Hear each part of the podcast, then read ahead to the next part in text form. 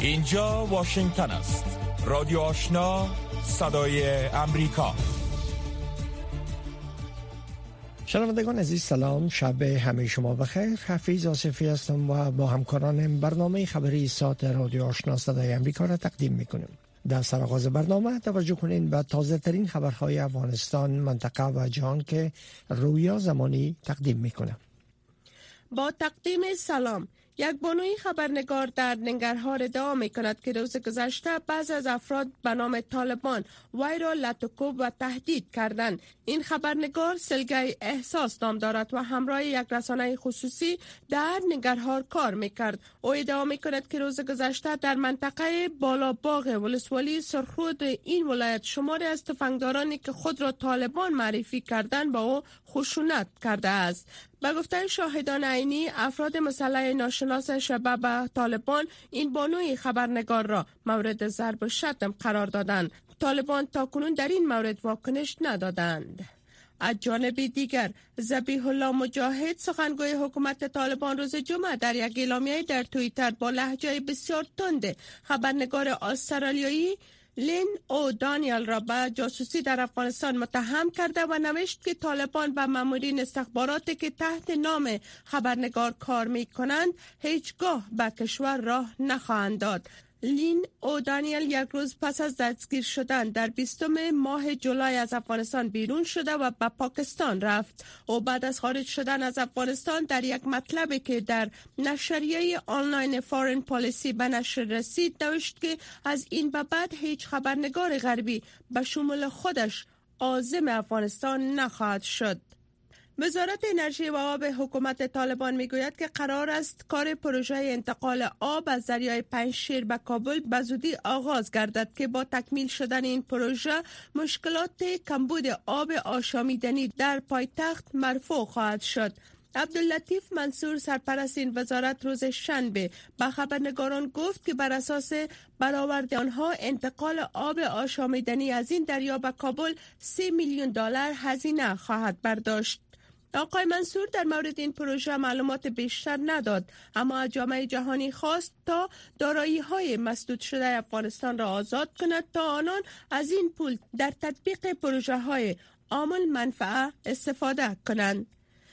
در یک جلسه بزرگ در مرکز ولایت کنر شهر اسدآباد که روز جمعه برگزار شد و یک تعداد بزرگان طالبان هم در آن اشتراک داشتند تقاضا شد که باید مکاتب متوسطه و لیسه برای دختران باز شوند. مولوی سید ولی الله یک از سران قومی و عالم دینی در این جلسه تاکید نمود که حکومت طالبان باید در بخش های مختلف جامعه برای دختران زمینه تعلیم را فراهم کند. و در این جلسه تاکید نمود که طالبان باید تحت شعای اصول و حجاب اسلامی و دختران اجازه تعلیم دهند. بلاول بوتو زرداری وزیر خارجه پاکستان خواستار همکاری نزدیک ایران در رابطه با مسائل افغانستان شد. بلاول بوتو به روز جمعه در دیدار با حسن کاظمی قمی نماینده ویژه ایران برای افغانستان گفت که پاکستان برای صلح و ثبات در افغانستان اراده قوی دارد او در حال این اظهارات را بیان می کند که مقام های افغان در نظام جمهوری پیشین پاکستان را به حمایت از تروریسم متهم می کردند از سوی دیگر برخی کشورها جمله امریکا ایران را به ایجاد بی‌ثباتی در منطقه مقصر می دانند. اما رسانه های پاکستانی و ایرانی روز جمعه نوشتند که در این دیدار حسن کاظمی قومی نماینده ویژه ایران در امور افغانستان نیز با قدردانی از نقش سازنده پاکستان در افغانستان تاکید کرد که تقویت سال و ثبات در افغانستان شرط اساسی سال و شکوفایی بلند مدت منطقه است رسانه ها به نقل از مقام های این دو کشور نوشتند که بلاول زرداری بوتو و حسن کاظمی قمی درباره مدیریت مهاجرین افغان در پاکستان و ایران و برخی مسائل اساسی دیگر نیز گفتگو کردند. رئیس جمهور قرقیزستان می‌گوید که امیدوار است که کشورهای آسیای میانه اقدامات خود در مورد افغانستان را با هماهنگی انجام دهند. خبرگزاری اینترفکس از قول رئیس جمهور قرقیزستان گزارش داده است که وضعیت افغانستان هنوز هم قابل پیش بینی نیست و برای ثبات آن باید تلاش صورت گیرد. انتظار می رود که به تاریخ 28 و 29 ماه جولای اجلاس کشورهای سازمان همکاری های شانگهای در تاشکند پایتخت ازبکستان برگزار شود که قرقیزستان هم عضو آن است. افغانستان موقف ناظر را در این سازمان دارد و در اجلاس آن قرار است در پهلوی مسائل دیگر موضوع افغانستان نیز مورد بحث قرار گیرد. خبرها را از رادیو آشنا صدای امریکا مشنوین صدها تن در کراچی پاکستان صبح روز شنبه در اعتراض با آنچه که دزدی ماموریت در پارلمان پنجاب خواندند تجمع کردند.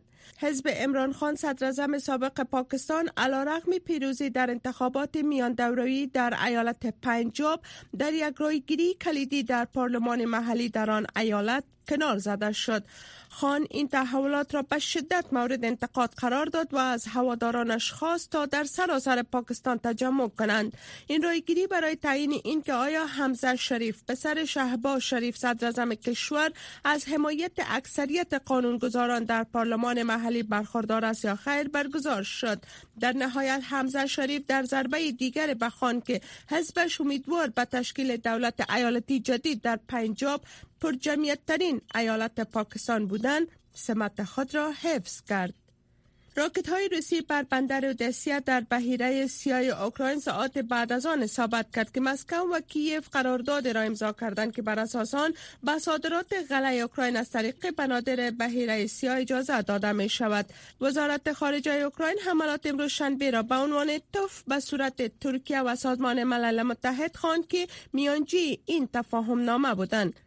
در همین حال یک مقام ارشد منطقه کرو هوفر در اوکراین می‌گوید که 13 راکت نیروهای روسی بر یک میدان هوایی نظامی و زیر های راه آهن در این منطقه اصابت کرد. اندر رایکویچ گفته است که در نتیجه این حملات که امروز به صورت گرفت شمار از افراد کشته و زخمی شده و جریان برق در یک محله مرکزی این منطقه قطع شده است. پیش از این مسئول اداره نظامی منطقه دونسک روز جمعه گفت که نیروهای روسی با استفاده از اسلحه خوشه‌ای بر ساحات رهایشی در شهر سلویانس گلوله‌باری کردند. استفاده از این مهمات بر اساس کنونسیون بین المللی غیر قانونی است. پلیس رنتون در ایالت واشنگتن می‌گوید که در اثر گلوله‌باری در این شهر یک نفر کشته و پنج نفر دیگر به دلیل جراحات تحت تداوی قرار دارند. اداره پلیس رنتون در توییت اعلام کرد که این که قبل از ساعت یک بجای بامداد روز شنبه گزارش شد ختم شده است. پلیس می‌گوید تحقیقات اولیه نشان می‌دهد که درگیری ها میان یک جمع باعث گردیده است که بیش از یک مزنون در این رویداد دست داشته باشد. این اداره همچنان علاوه کرد که به دلیل ازدهام جمعیت چندین اداره برای کمک فراخوانده شده است. تحقیقات هنوز هم ادامه دارد. پلیس مکه می‌گوید که یک مرد سعودی را دستگیر کرده است که یک خبرنگار اسرائیلی یهودی را کمک می‌کرد تا مخفیانه وارد مقدسترین شهر مسلمانان شود و قانون را نقض کند که بر اساس آن فقط مسلمانان می توانند وارد این شهر شوند. در حالی که مسلمانان هر کشور می توانند وارد مکه شوند اما غیر مسلمانان اجازه ورود را به این ساحه مقدس ندارند. برای افراد غیر مسلمان دستورات خاص و قوانین بسیار خاص لازم است. واکنش های عمومی نسبت با بازدید گل تامری خبرنگار یهودی در رسانه های اجتماعی دست به دست شده که در آن مسلمانان و سعودی ها خشم خود را از فریبکاری این خبرنگار و توجهی وی به ساحه مقدس ابراز داشته شده است. و مادران چندین کودک ایرانی که قرار بود برای تماشای مسابقات کارته فرزندانشان در شهر مشهد به استیدیوم بروند توسط معذفین امنیتی متوقف شدند. حکومت ایران داخل شدن زنان را به استیدیوم های ورزشی ممنوع اعلام کرده است. ویدیوهایی که در آنها پلیس مانع داخل شدن این زنان به استیدیوم می شوند روز جمعه در رسانه های اجتماعی به نشر رسید. شنونده های محترم این بود مشروع خبرها تا این لحظه که از امواج رادیو آشنا صدای امریکا تقدیم شما شد. روایت امروز. مصاحبه ها، گزارش ها و تحلیل ها در مورد وضعیت کنونی افغانستان و جهان هر شب از ساعت نونیم تا ده شب از امواج رادیو آشنا صدای امریکا.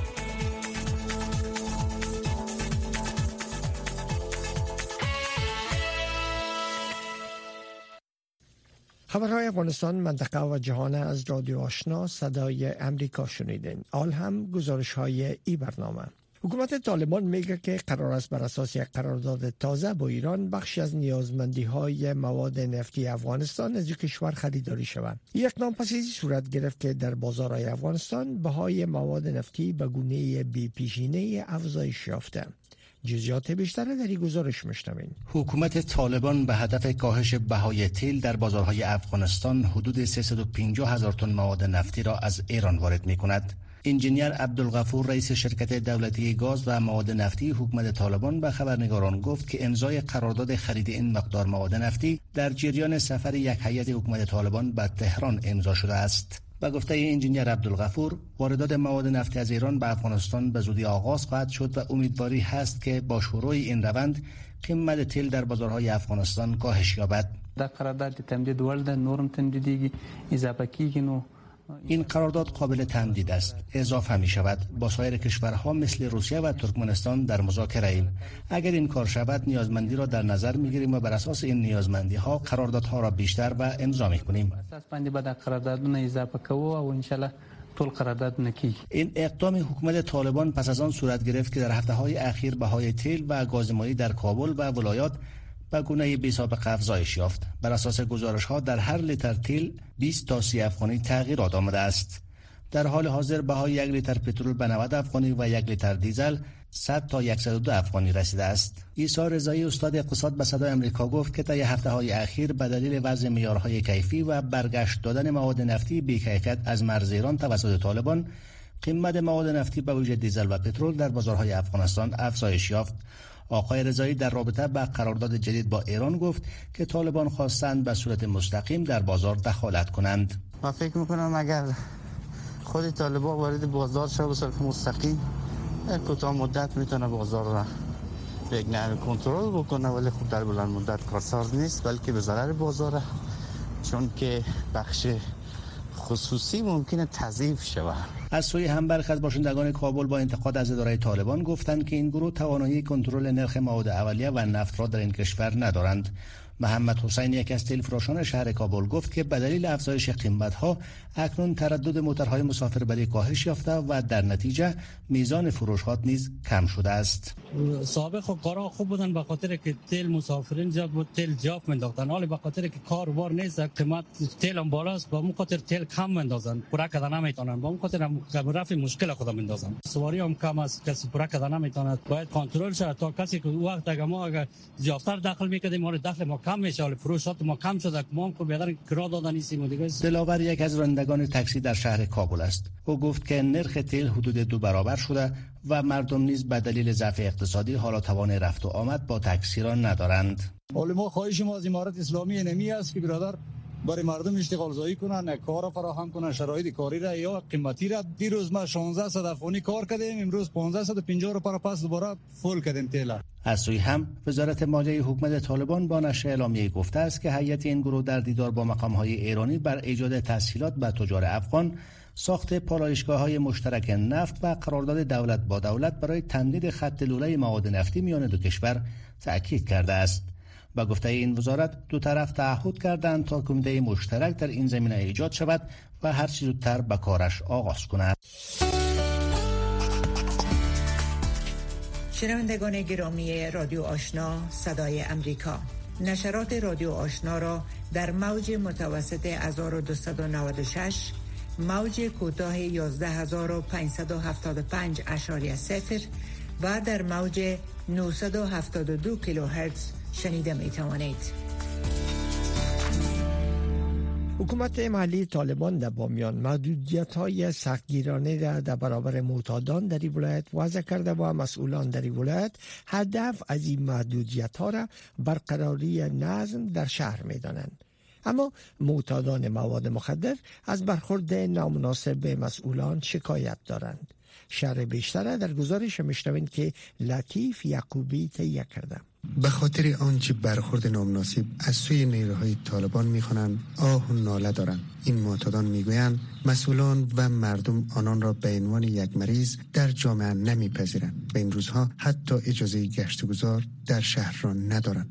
شب که مثلا زیر پرچکا که هست طالبان می مونه نمیذارشتن هر جایی میشنیم خلاصت مردم جامعه مثلا اینا.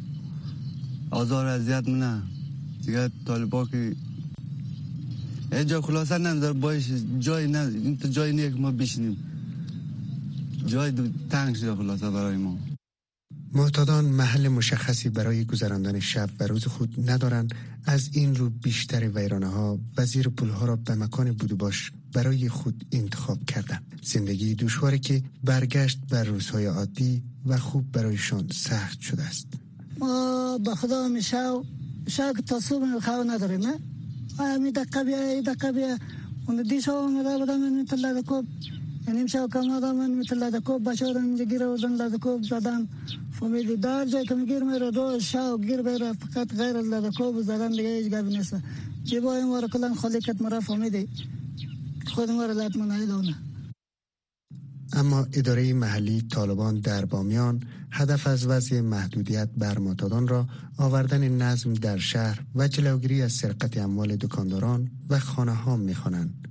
ترو کی تو نپاره چیرته څه شای کوي څه کورای کنه غلام د چا چا نه کړي دغه مجبور یې امارات پیسې ورکړي چې چا نه اغلا شای کړي اوس خو دولت امارات هاي بر بنیاد آمارها در سالهای گذشته به شمار معتادان در ولایت بامیان که هزاران تن می شود افزوده شده است.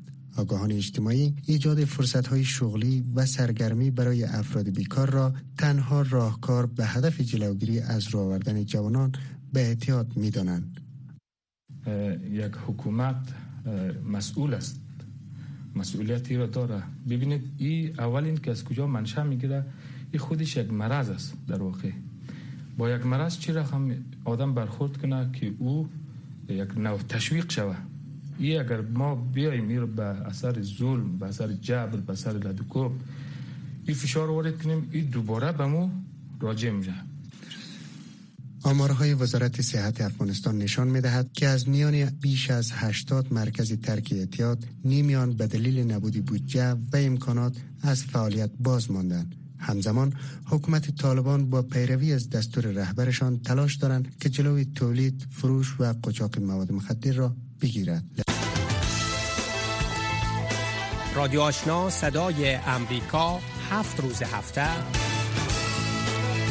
خبر و گزارش ها و تحلیل های خبری روز های موسمی در پاکستان باعث سرازیر شدن سیلاب ها در ولایت بلوچستان و شیوع امراض مانند کلرا در ای ولایت پاکستان شده. گزارش را در این مورد از هما علی کوزی میشنوین شیوع کلرا در ایالت بلوچستان و پاکستان با سرعت در حال گسترش است. یک مقام صحی در این کشور می‌گوید که دلیل شیوع کلرا بارانهای شدید موسمی در طول چند ماه گذشته بوده که باعث آلودگی آب آشامیدنی شده است. این بارانها به دهاقی نیز صدمه زده است. سیلاب ها، خانه ها، جاده ها و مراکز تولید برق را نیز در سر تا سر پاکستان تخریب کرده است. سال محمد نظر یک مقام وزارت صحت ایالت بلوچستان می‌گوید که تا کنون ده ها نفر در این ایالت بر اثر این سرازیر شدن سیلاب ها جان باخته و 13 ولسوالی با شیوع کلرا و اسهال مواجه است. امروزی که به دو ایالت دیگر پاکستان نیز سرایت کرده است. 45 که قریب تا کنون 45 تن به دنبال این سیلاب ها و تخریب شدن خانه ها در پیرکوت و جوب کشته شده اند. 13 ولسوالی با شیوع اسهالات مواجه است. به نظر می رسد که در ولسوالی جوب کلرا نیز شیوع کرده است. مقامات برای رساندن امداد که شامل خیمه ها مواد غذایی و دیگر مواد اساسی می باشد به صدها تن که از این سیلاب ها آسیب دیدن تلاش دارند. دغه کله تللی دا ایت کې یو دوی دوه کوچنیان نور سره وړو مې یو دوی شپې دورې د درې مشپه تقریبا یو لس بجې د ته د هیڅ شکایت ور پیدا سو. بیا هغه ځای داسې به سہولت ځای دی سلته یو سہولت هم نشته نه د ډاکټر سہولت شته نه یو د موټر سہولت شته. متخصصان امور اقلیم می‌گویند که دلیل این های شدید و غیر معمول در پاکستان تغییر اقلیم است. ولی هر سال مردم در آن کشور با پیامدهای ناشی از های موسومی مواجه می شوند که انتقاد از عملکرد حکومت را در زمینه رسیدگی به این مشکلات برانگیخته است. این در حال است که اخیرا شیوع کلرا در ولایت هلمند در افغانستان نیز جان حداقل 20 نفر را گرفت و ده ها تن دیگر به شمول کودکان و زنان را در ولایت زابل مصاب کرده است. کلرا یک نوع بیماری حاد اسهالی است که عامل آن یک نوع باکتریا به نام وبریو کلراست این بیماری به شدت ساری بوده و از طریق آب و غذای آلوده با باکتریا و بدن شخص سالم انتقال می آود. صدای شما صدا و نظریات شما در مورد مسائل سیاسی، اقتصادی، فرهنگی، اجتماعی و صحی از ساعت ده تا دونی شب در برنامه مشترک دری و پشتوی رادیو آشنا صدای امریکا آماده سازی بر عرضه کتلوی اولین واکسین ملاریا در جهان که توسط گاوی متحدین واکسین برای محافظت از میلیون ها کودک در افریقا با تقریبا 160 میلیون دلار تمویل میشه در حال انجام یافتن است. لیزا شلاین خبرنگار صدای امریکا از ژنو گزارش در این مورد داره که برگردان او را از عبدالواجد عادل مشتمین سازمان جهانی صحت می‌گوید که بودجه چندین میلیون دلاری نهاد گابی نشان دهنده پیشرفت کلیدی در مبارزه با یکی از شدیدترین تهدیدات صحت آمد در افریقا می باشد. این گزارش خاطر نشان می کند که کشورهای جنوب صحرای افریقا بیشترین تعداد آمار سالانه بیش از 240 میلیون واقعات ابتلا به ملاریا در سطح جهان را متحمل می شود که شامل بیش از 600 هزار مورد مرگ و میر گزارش شده است. قربانیان اصلی این مرض کودکان زیر پنج سال هستند. ما شیدیسو موتی مدیر منطقه‌ای سازمان جهانی صحت در افریقا می‌گوید هر دقیقه یک کودک در افریقا میمیرد که واقع فاجعه بار برای خانواده ها جوامع و توسعه ملی را در قبال دارد واکسین ضد ملاریا در سال 2019 در افریقا معرفی شد از آن زمان تا اکنون بیش از یک اشیار سی میلیون کودک در سه کشور گانا، کینیا و ملاوی به گونه آزمایشی از این واکسین بهرهمند شدند. موتی می‌گوید که این کشورها سی درصد کاهش بستری شدن کودکان مبتلا به ملاریای شدید و 9 درصد کاهش در مرگ و میر کودکان را گزارش کردند. So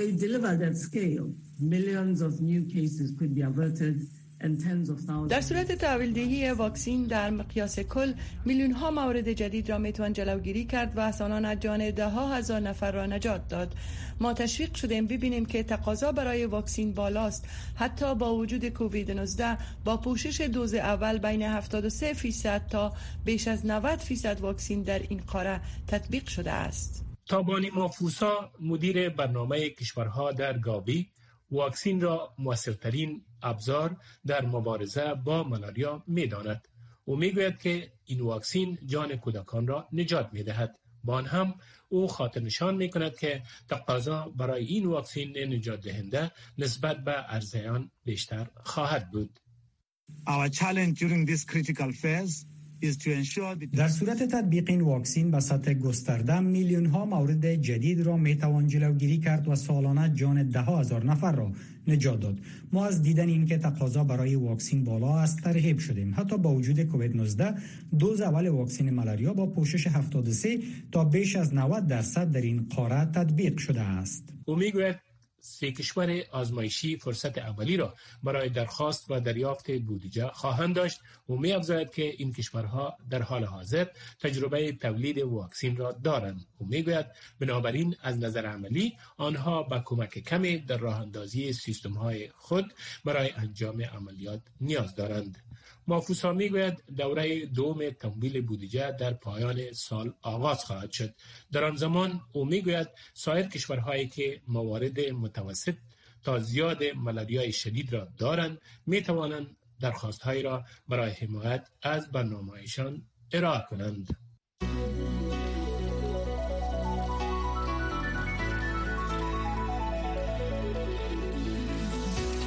صدای امریکا در فیسبوک facebook.com voa دری در مورد یک تصویر از مشت جو بایدن رئیس جمهور ایالات متحده امریکا بر محمد بن سلمان ولی عربستان که در شبکه های اجتماعی منتشر شده جامعه استخباراتی ایالات متحده میگه که ولیت در عقب قتل جمال خاشقجی مقاله نویس واشنگتن پست در سال 2018 قرار دارد. قصر سفید میگه که بایدن قتل خاشقجی را با ولیت مطرح کرده. اما میان آزادی مطبوعات و حقوق بشر میگن که ضربه مشت به بن سلمان مشروعیت را به او بخشید که او او را می‌خواست. گزارش صدای امریکا را در این مورد از لیل ما حبیب عظیمی میشنوین. ناظران از نزدیک نخستین سفر جو بایدن رئیس جمهوری ایالات متحده را به شرق میانه مشاهده می کردند تا ببینند چگونه با موضوع قتل دو خبرنگار برجسته برخورد می کند شیرین ابو عاقله خبرنگار امریکایی فلسطینی تبار که در 11 ماه می در جریان حمله اسرائیل به کرانه غربی رود اردن کشته شد. خانواده او درخواست کرده بودند که بتوانند با آقای بایدن در بیت المقدس دیدار کنند. اما در عوض آنها برای دیدار با مقامات ارشد ارشد امریکایی در واشنگتن دعوت شدند. وزارت امور خارجه می‌گوید شلیک اسرائیل احتمالا عامل مرگ او بوده است اما نمی‌تواند بگوید که شلیک عمدی بوده است یا خیر. برخی از کارشناسان حقوق بشر می‌گویند که ایالات متحده باید اقدامات بیشتری در زمینه انجام دهد. سارا یگر رئیس دیدبان حقوق بشر در واشنگتن گفت بله اسرائیلی ها تحقیقات خود را انجام دادند. بله فلسطینی ها هم تحقیقات خود را انجام دادند. اما شیرین شهروند امریکا بود. اف بی آی باید تحقیقات خودش را انجام دهد. سیاست را کنار بگذارد این یک شهروند امریکایی بوده و سزاوار آن است که تحقیقات مستقل در مورد قتل وی انجام شود. اما بیشتر انتقادات از سفر رئیس جمهور روی یک مشت در سر تا سر جهان متمرکز شده است که به سرعت از سوی دولت شاهی عربستان سعودی در رسانه های اجتماعی به اشتراک گذاشته شد. همانطوری که بایدن در 15 ماه جولای در جده از محمد بن سلمان ولی عهد سعودی استقبال کرد. برایان کاتولیس معاون پالیسی در انستیتوت شرق میانه می گوید صرف همین تصویر که پس از قتل جمال خاشقجی خبرنگار سعودی که اداره استخبارات امریکا یا سیایی می‌گوید که ولیعهد سعودی آن را تایید کرده است احساسات جریهدار و نارضایتی های زیاد را برمیانگیزد. بن سلمان مسئولیت قتل جمال خاشقجی را در سال 2018 رد کرد. قاتولیس می گوید که او احساس می کند که بهتر است رئیس جمهور ایالات متحده مستقیما با کشورهای تعامل داشته باشد که مسائل قابل نگرانی را رو در رو مطرح کنند که سوابق فوقالعاده در زمینه حقوق بشر ندارند. اما سارا یگر از دیدمان حقوق بشر می گوید که وی معتقد است که دیدارهای ریاست جمهوری با دیکتاتورها می تواند صدمات واقعی به همراه داشته باشد. سفر بایدن به شرق میانه برای قدرت بخشیدن به اقتدارگرایان است و نه فقط در شرق میانه بلکه من درباره یوگندا، فیلیپین و مدیر رئیس جمهور هند صحبت می کنم. رهبرانی که در آستانه اقتدارگرایی هستند که جامعه مدنی را مسدود نموده خبرنگاران را هدف قرار می دهند و مخالفان سیاسی خود را زندانی می کنند. یگر به صدای امریکا گفت وی معتقد است که پس از دیدار بایدن ولیعهد عربستان سعودی احتمالا تمام بحانه های اصلاحات را کنار گذاشته و حتی بیشتر حقوق زنان و مخالفان سیاسی در دولت شاهی را سرکوب خواهد کرد. شنوندگان گرامی رادیو آشنا صدای امریکا نشرات رادیو آشنا را در موج متوسط 1296 موج کوتاه 11575 اعشاری صفر و در موج 972 کیلوهرتز شنیده می توانید.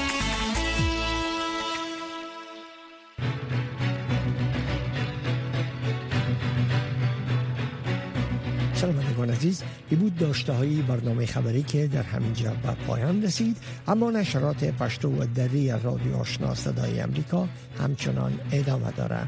شنونده رادیو آشنا باشید.